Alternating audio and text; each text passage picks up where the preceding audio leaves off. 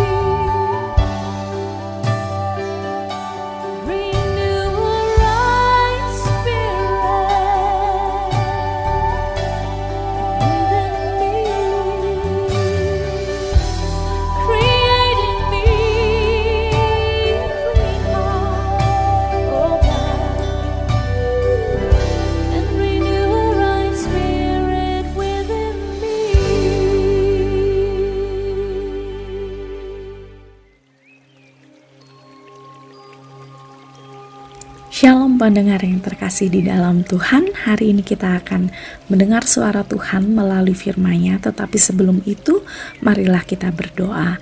Bapa yang di surga kami mengucap syukur Untuk setiap berkatmu hari ini Dan di dalam kesempatan ini Kami ingin meluangkan waktu Kami ingin mendengar suara Tuhan. Biarlah Tuhan berbicara secara pribadi kepada setiap kami. Pesan Tuhan mendarat dengan sempurna di dalam pengertian kami, di dalam akal kami, dan kami boleh menerima dengan hati yang tulus apa yang Tuhan mau sampaikan terhadap setiap kami. Dan Tuhan, Engkau akan melawat setiap pendengar dengan berkat-berkat yang dari Tuhan. Di dalam nama Yesus kami berdoa. Amin. Pendengar yang terkasih dalam Tuhan, hari ini kita akan belajar dari firman Tuhan, yaitu tentang kejujuran di dalam segala hal itu kita membutuhkan orang-orang yang jujur dan kita tahu bahwa ketika kita bersosialisasi, ketika kita berhubungan satu dengan lain, ketidakjujuran itu akan menghambat sebuah progres atau menghambat sebuah pekerjaan, menghambat sebuah komunitas, menghambat sebuah hubungan dan tentunya kita mau eh, orang-orang uh, di sekitar kita adalah orang-orang yang jujur dan itu juga dihadap uh, diharapkan oleh orang lain. Orang lain mau kita berlaku jujur. Nah, sebenarnya kalau kita uh, belajar tentang kejujuran, apa sih uh, makna atau arti jujur itu sendiri. Nah, jujur itu sendiri didefinisikan atau diartikan sebagai yang pertama itu adalah hati yang lurus. Hati yang lurus di sini berhubungan dengan tidak berbohong atau e, berkata apa adanya. Jadi e, sumber dari kejujuran itu ya satu-satunya adalah hati ya. Karena hati ini adalah pusat dari manusia itu sendiri ya. E, kalau manusia itu atau kalau seseorang itu hatinya lurus hatinya benar ya dia ada kebenaran di dalam hatinya pasti dia akan berbicara yang benar. Dia akan berkata apa adanya tetapi kalau hatinya itu bengkok, hatinya itu nggak lurus, nggak benar, ya itu dia akan berbicara bohong, dia akan uh, berkata hal-hal yang yang bukan sebenarnya ya. Jadi itu bersumber dari hati. Jadi definisi kejujuran itu adalah hatinya dulu, hati yang lurus maka apa yang dia bicarakan itu adalah sebuah kebenaran karena hatinya benar gitu. Nah yang kedua jujur itu e, artinya tidak curang dan atau mengikuti aturan yang berlaku. Orang yang dikatakan jujur adalah orang yang tidak berlaku curang. Orang yang tidak manipulatif, orang yang uh, ya bukan hanya berbicara tetapi dia melakukan sesuatu sesuai dengan aturan. Dikatakan di sini mengikuti aturan yang berlaku. Jadi ketika kita melanggar aturan atau kita tidak mengikuti aturan yang berlaku sebenarnya kita sedang berlaku tidak jujur. Ya kita sedang uh, berlaku curang. Berlaku curang itu nggak sesuai aturan. Ya jadi kalau orang yang jujur adalah orang yang tidak berlaku curang. Orang yang mengikuti aturan yang ada. Yang ketiga jujur itu didefinisikan atau dimaknai dengan tulus ikhlas. Tulus ikhlas itu apa sih? Dia nggak munafik nggak bermuka dua jadi apa yang dia bicarakan, apa yang uh, dia omongin, ya tidak diada-adakan atau uh, tidak dibuat-buat begitu ya. Perlakuannya juga demikian, perbuatannya juga sama gitu ya. Jadi bukan bukan orang yang uh, depan belakang beda gitu ya atau kalau kita biasa kenal uh, latihan lain main lain gitu kan. Ya orang yang yang bisa di depan A dia bisa tertawa tapi uh, kemudian ketika A nggak ada dia bisa uh, kemudian menunjukkan ketidaksukaan. Nah itu namanya munafik ya. Nah orang yang jujur adalah orang yang nggak muka dua. Jadi mukanya satu aja ya. Bayangkan ya uh, pendengar yang dikasih Tuhan kita itu muka satu aja sudah bingung ngerawatnya gitu ya apalagi harus punya muka dua gitu. Ya ini joke saja ya. Jadi orang yang jujur adalah orang yang nggak bermuka dua. Artinya dia e, depan belakang lain gitu ya. Nah orang yang jujur tidak demikian. Dia di depan sama di belakang pun sama. Tidak munafik itu orang yang tulus ikhlas orang yang jujur jadi jujur itu adalah sikap moral yang sejati yang berasal dari hati yang bersih. Jadi, jujur itu sekali lagi pusatnya itu ada di hati. Ketika hati seseorang itu bersih, maka dia akan melakukan dan e, perbuatan yang baik gitu ya, yang yang benar. Dan kemudian hati yang bersih itu tadi diwujudkan di dalam tutur kata, dan juga perbuatan. Jadi kejujuran itu tidak datang dari luar.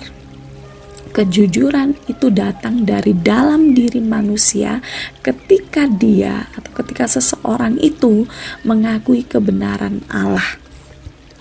Di saat-saat seperti ini di zaman yang semua serba uh, maju ini ya, teknologi sudah maju, kemudian ya media sosial banyak.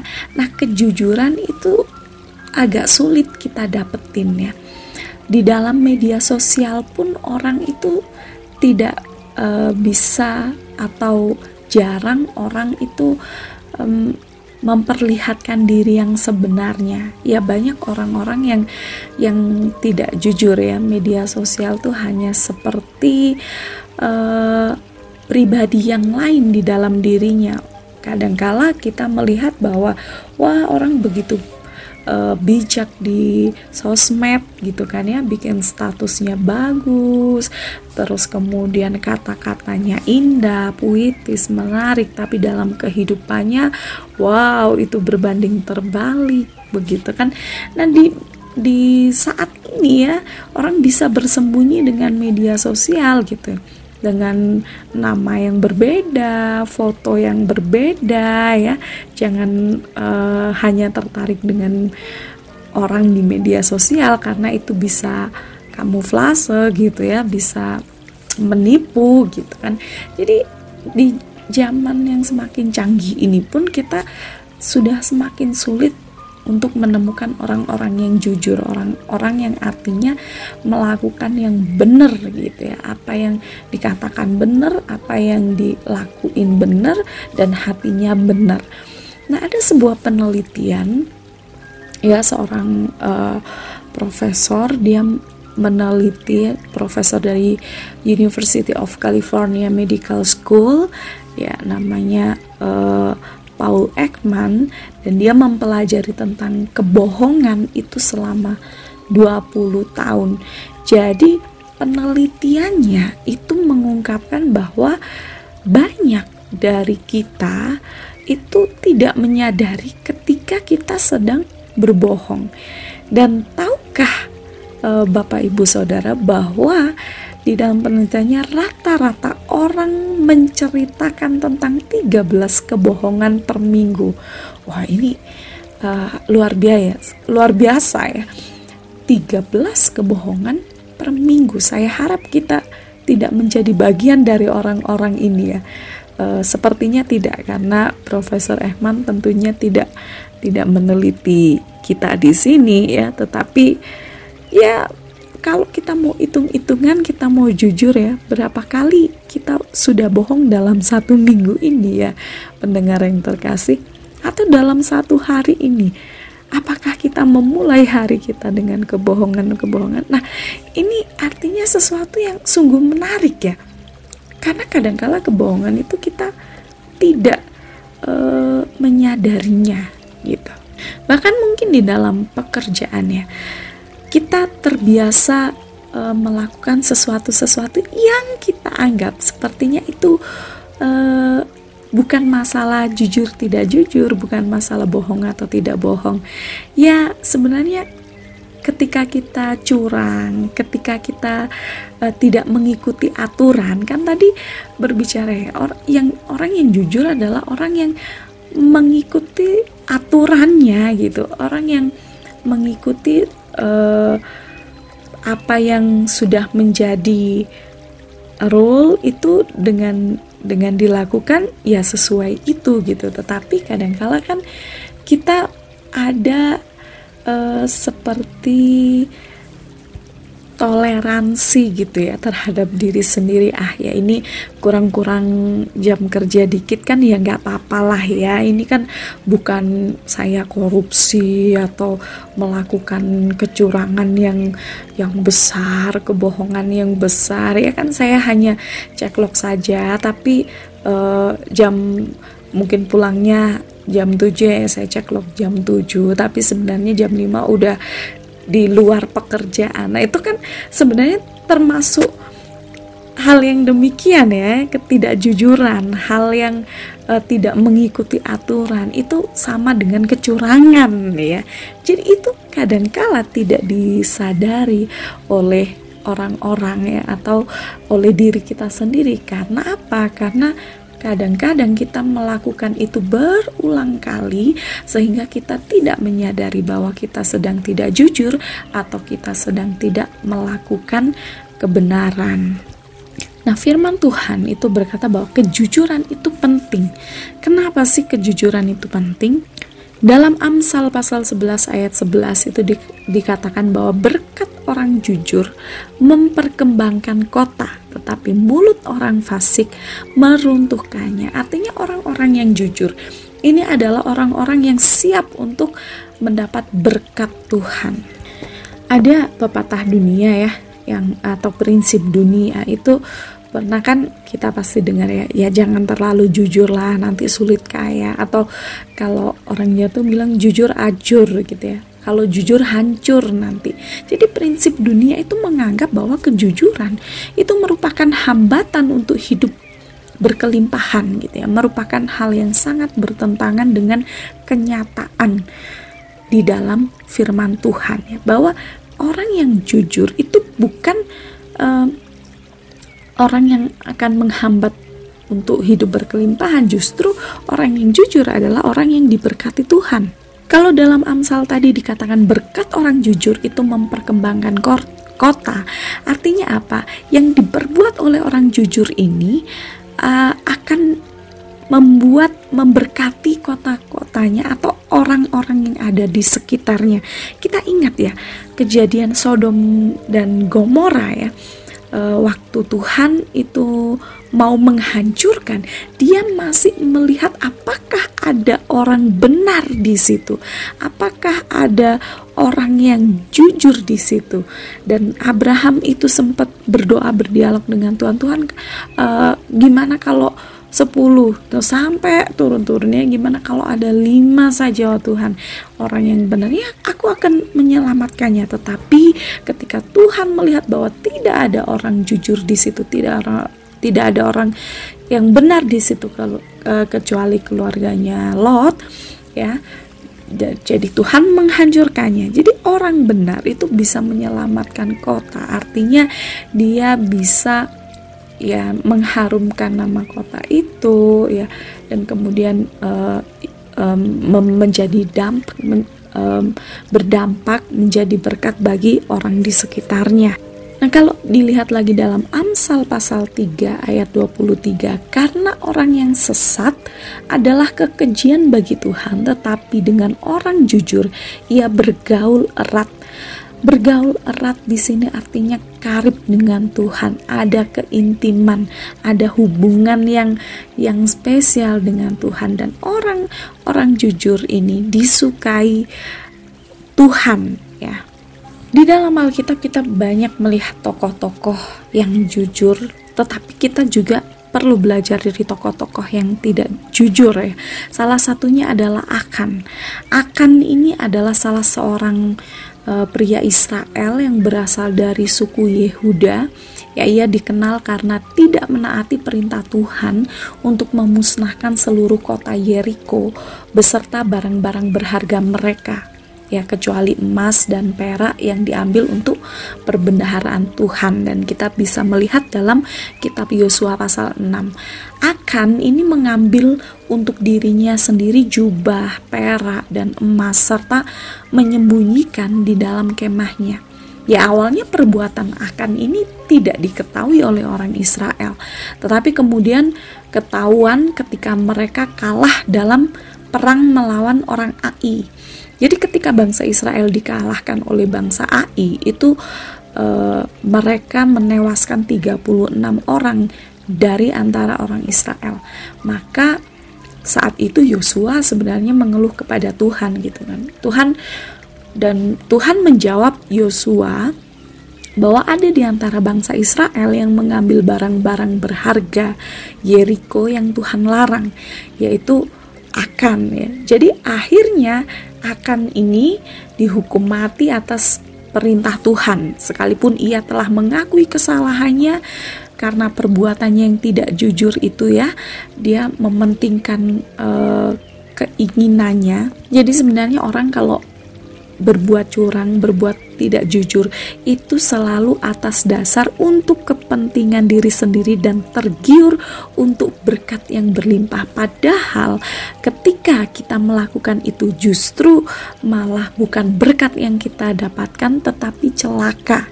Ya, jadi karena perbuatannya ini ya uh, dan dia tidak jujur ini maka 36 saudaranya harus kehilangan nyawa dalam peperangan ya bangsa Israel itu. Ya dia akhirnya harus dihukum mati. Kemudian kita ingat Saul ya tokoh yang juga tidak uh, jujur di hadapan Tuhan ya. Ketika Tuhan menyuruh dia menumpas orang uh, semua orang Amalek gitu ya musuh bangsa Israel waktu itu bersama hewan-hewan mereka.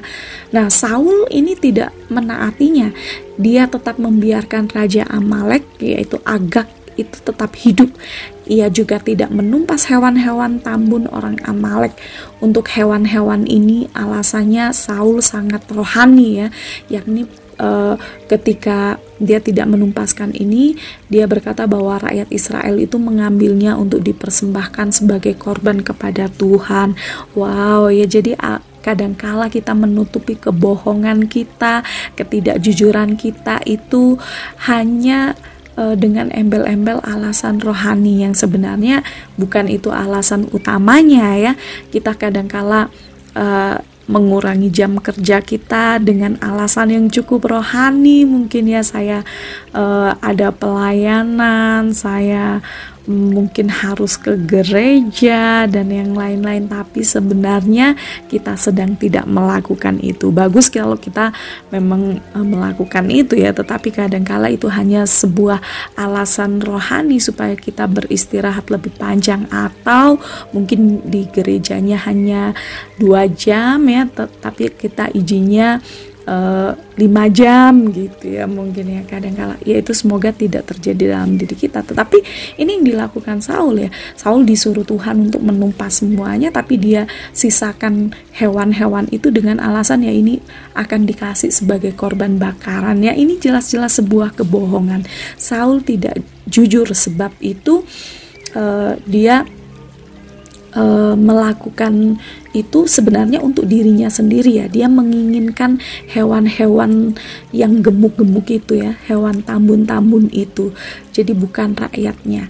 Nah karena itulah kemudian Tuhan akhirnya menghukum Saul dengan menolaknya sebagai raja Israel serta memilih Daud sebagai penggantinya Jadi hati-hati ketika kita melakukan ketidakjujuran ya. Tuhan itu akan memberikan sanksi kalau tadi akan dia langsung uh, meninggal, tetapi kalau Saul ini dia nggak langsung meninggal sih, tapi jabatannya diambil digantikan oleh orang lain. Jadi sebenarnya ketika kita mengambil apa yang bukan punya kita ya, itu kan kecurangan ya.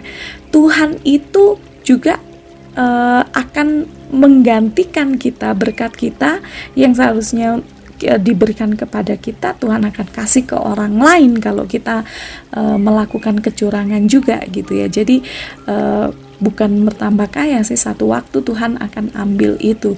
Dan kita lihat bahwa Saul akhirnya digantikan oleh Daud dan Tuhan tidak berkenan lagi kepada Saul dan kita lihat dalam akhir hidup Saul juga Saul itu meninggal dengan cara yang tragis ya karena dia e, di dalam perjalanan hidupnya setelah itu dia banyak membunuh orang ya terus kemudian ya dia juga mau mencelakai Daud beberapa kali ya tapi Tuhan kemudian membiarkan dia meninggal dengan cara yang tragis yaitu bunuh diri. Dan yang tokoh dan tokoh yang paling terkenal dalam perjanjian baru mungkin pendengar sudah banyak mendengar ya tentang Ananias dan Safira. Ketika ditanya oleh Rasul Petrus apakah benar ini uh, persembahan dari hasil rumahmu ini uh, sekian? Gitu ya. Terus mereka sama-sama berbohong suami istri Ya, mereka menjual ladang atau tanah milik pribadi itu demi memenuhi kebutuhan para anggota jemaat yang kurang mampu saat itu.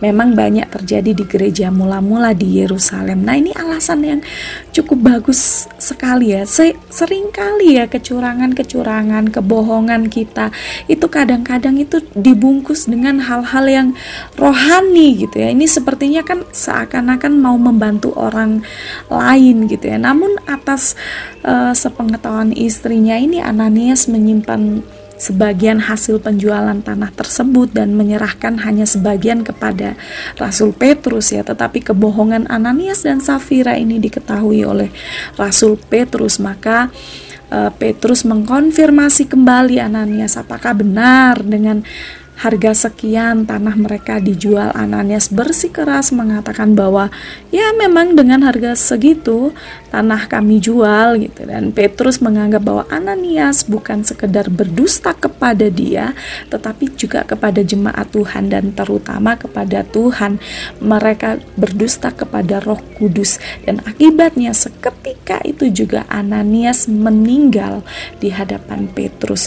Jadi kita melihat bahwa kebohongan-kebohongan atau kecurangan-kecurangan yang dilakukan, ketidakbenaran, tidak mengikuti aturan ya, seperti tadi Saul tidak mengikuti aturan Tuhan ya, ketidaktaatannya disuruh tumpah semua nggak ditumpas ya akan juga gitu kan, itu tidak mengikuti aturan gitu kan, tidak e, mengikuti perintah Tuhan, tidak taat terhadap perintah Tuhan dan itu mendatangkan celaka.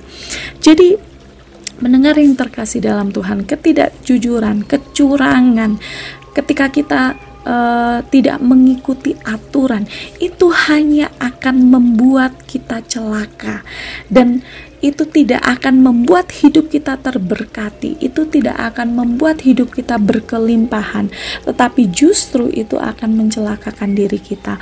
Oleh karena itu, kenapa kita harus jujur, kita harus melakukan apa yang benar, kita harus dengan tulus hati, hati kita harus benar, tidak melakukan kecurangan, taat terhadap uh, setiap aturan yang dibuat, supaya kita mendapat berkat, supaya kita tidak celaka. Dan seperti Amsal 16 ayat 17 katakan menjauhi kejahatan itulah jalan orang jujur. Siapa menjaga jalannya memelihara nyawanya. Kalau kita mau diberkati, kita mau berkelimpahan di dalam hidup kita, maka jadilah orang-orang yang jujur, jadilah orang-orang yang benar di dalam perkataan, di dalam tingkah laku kita.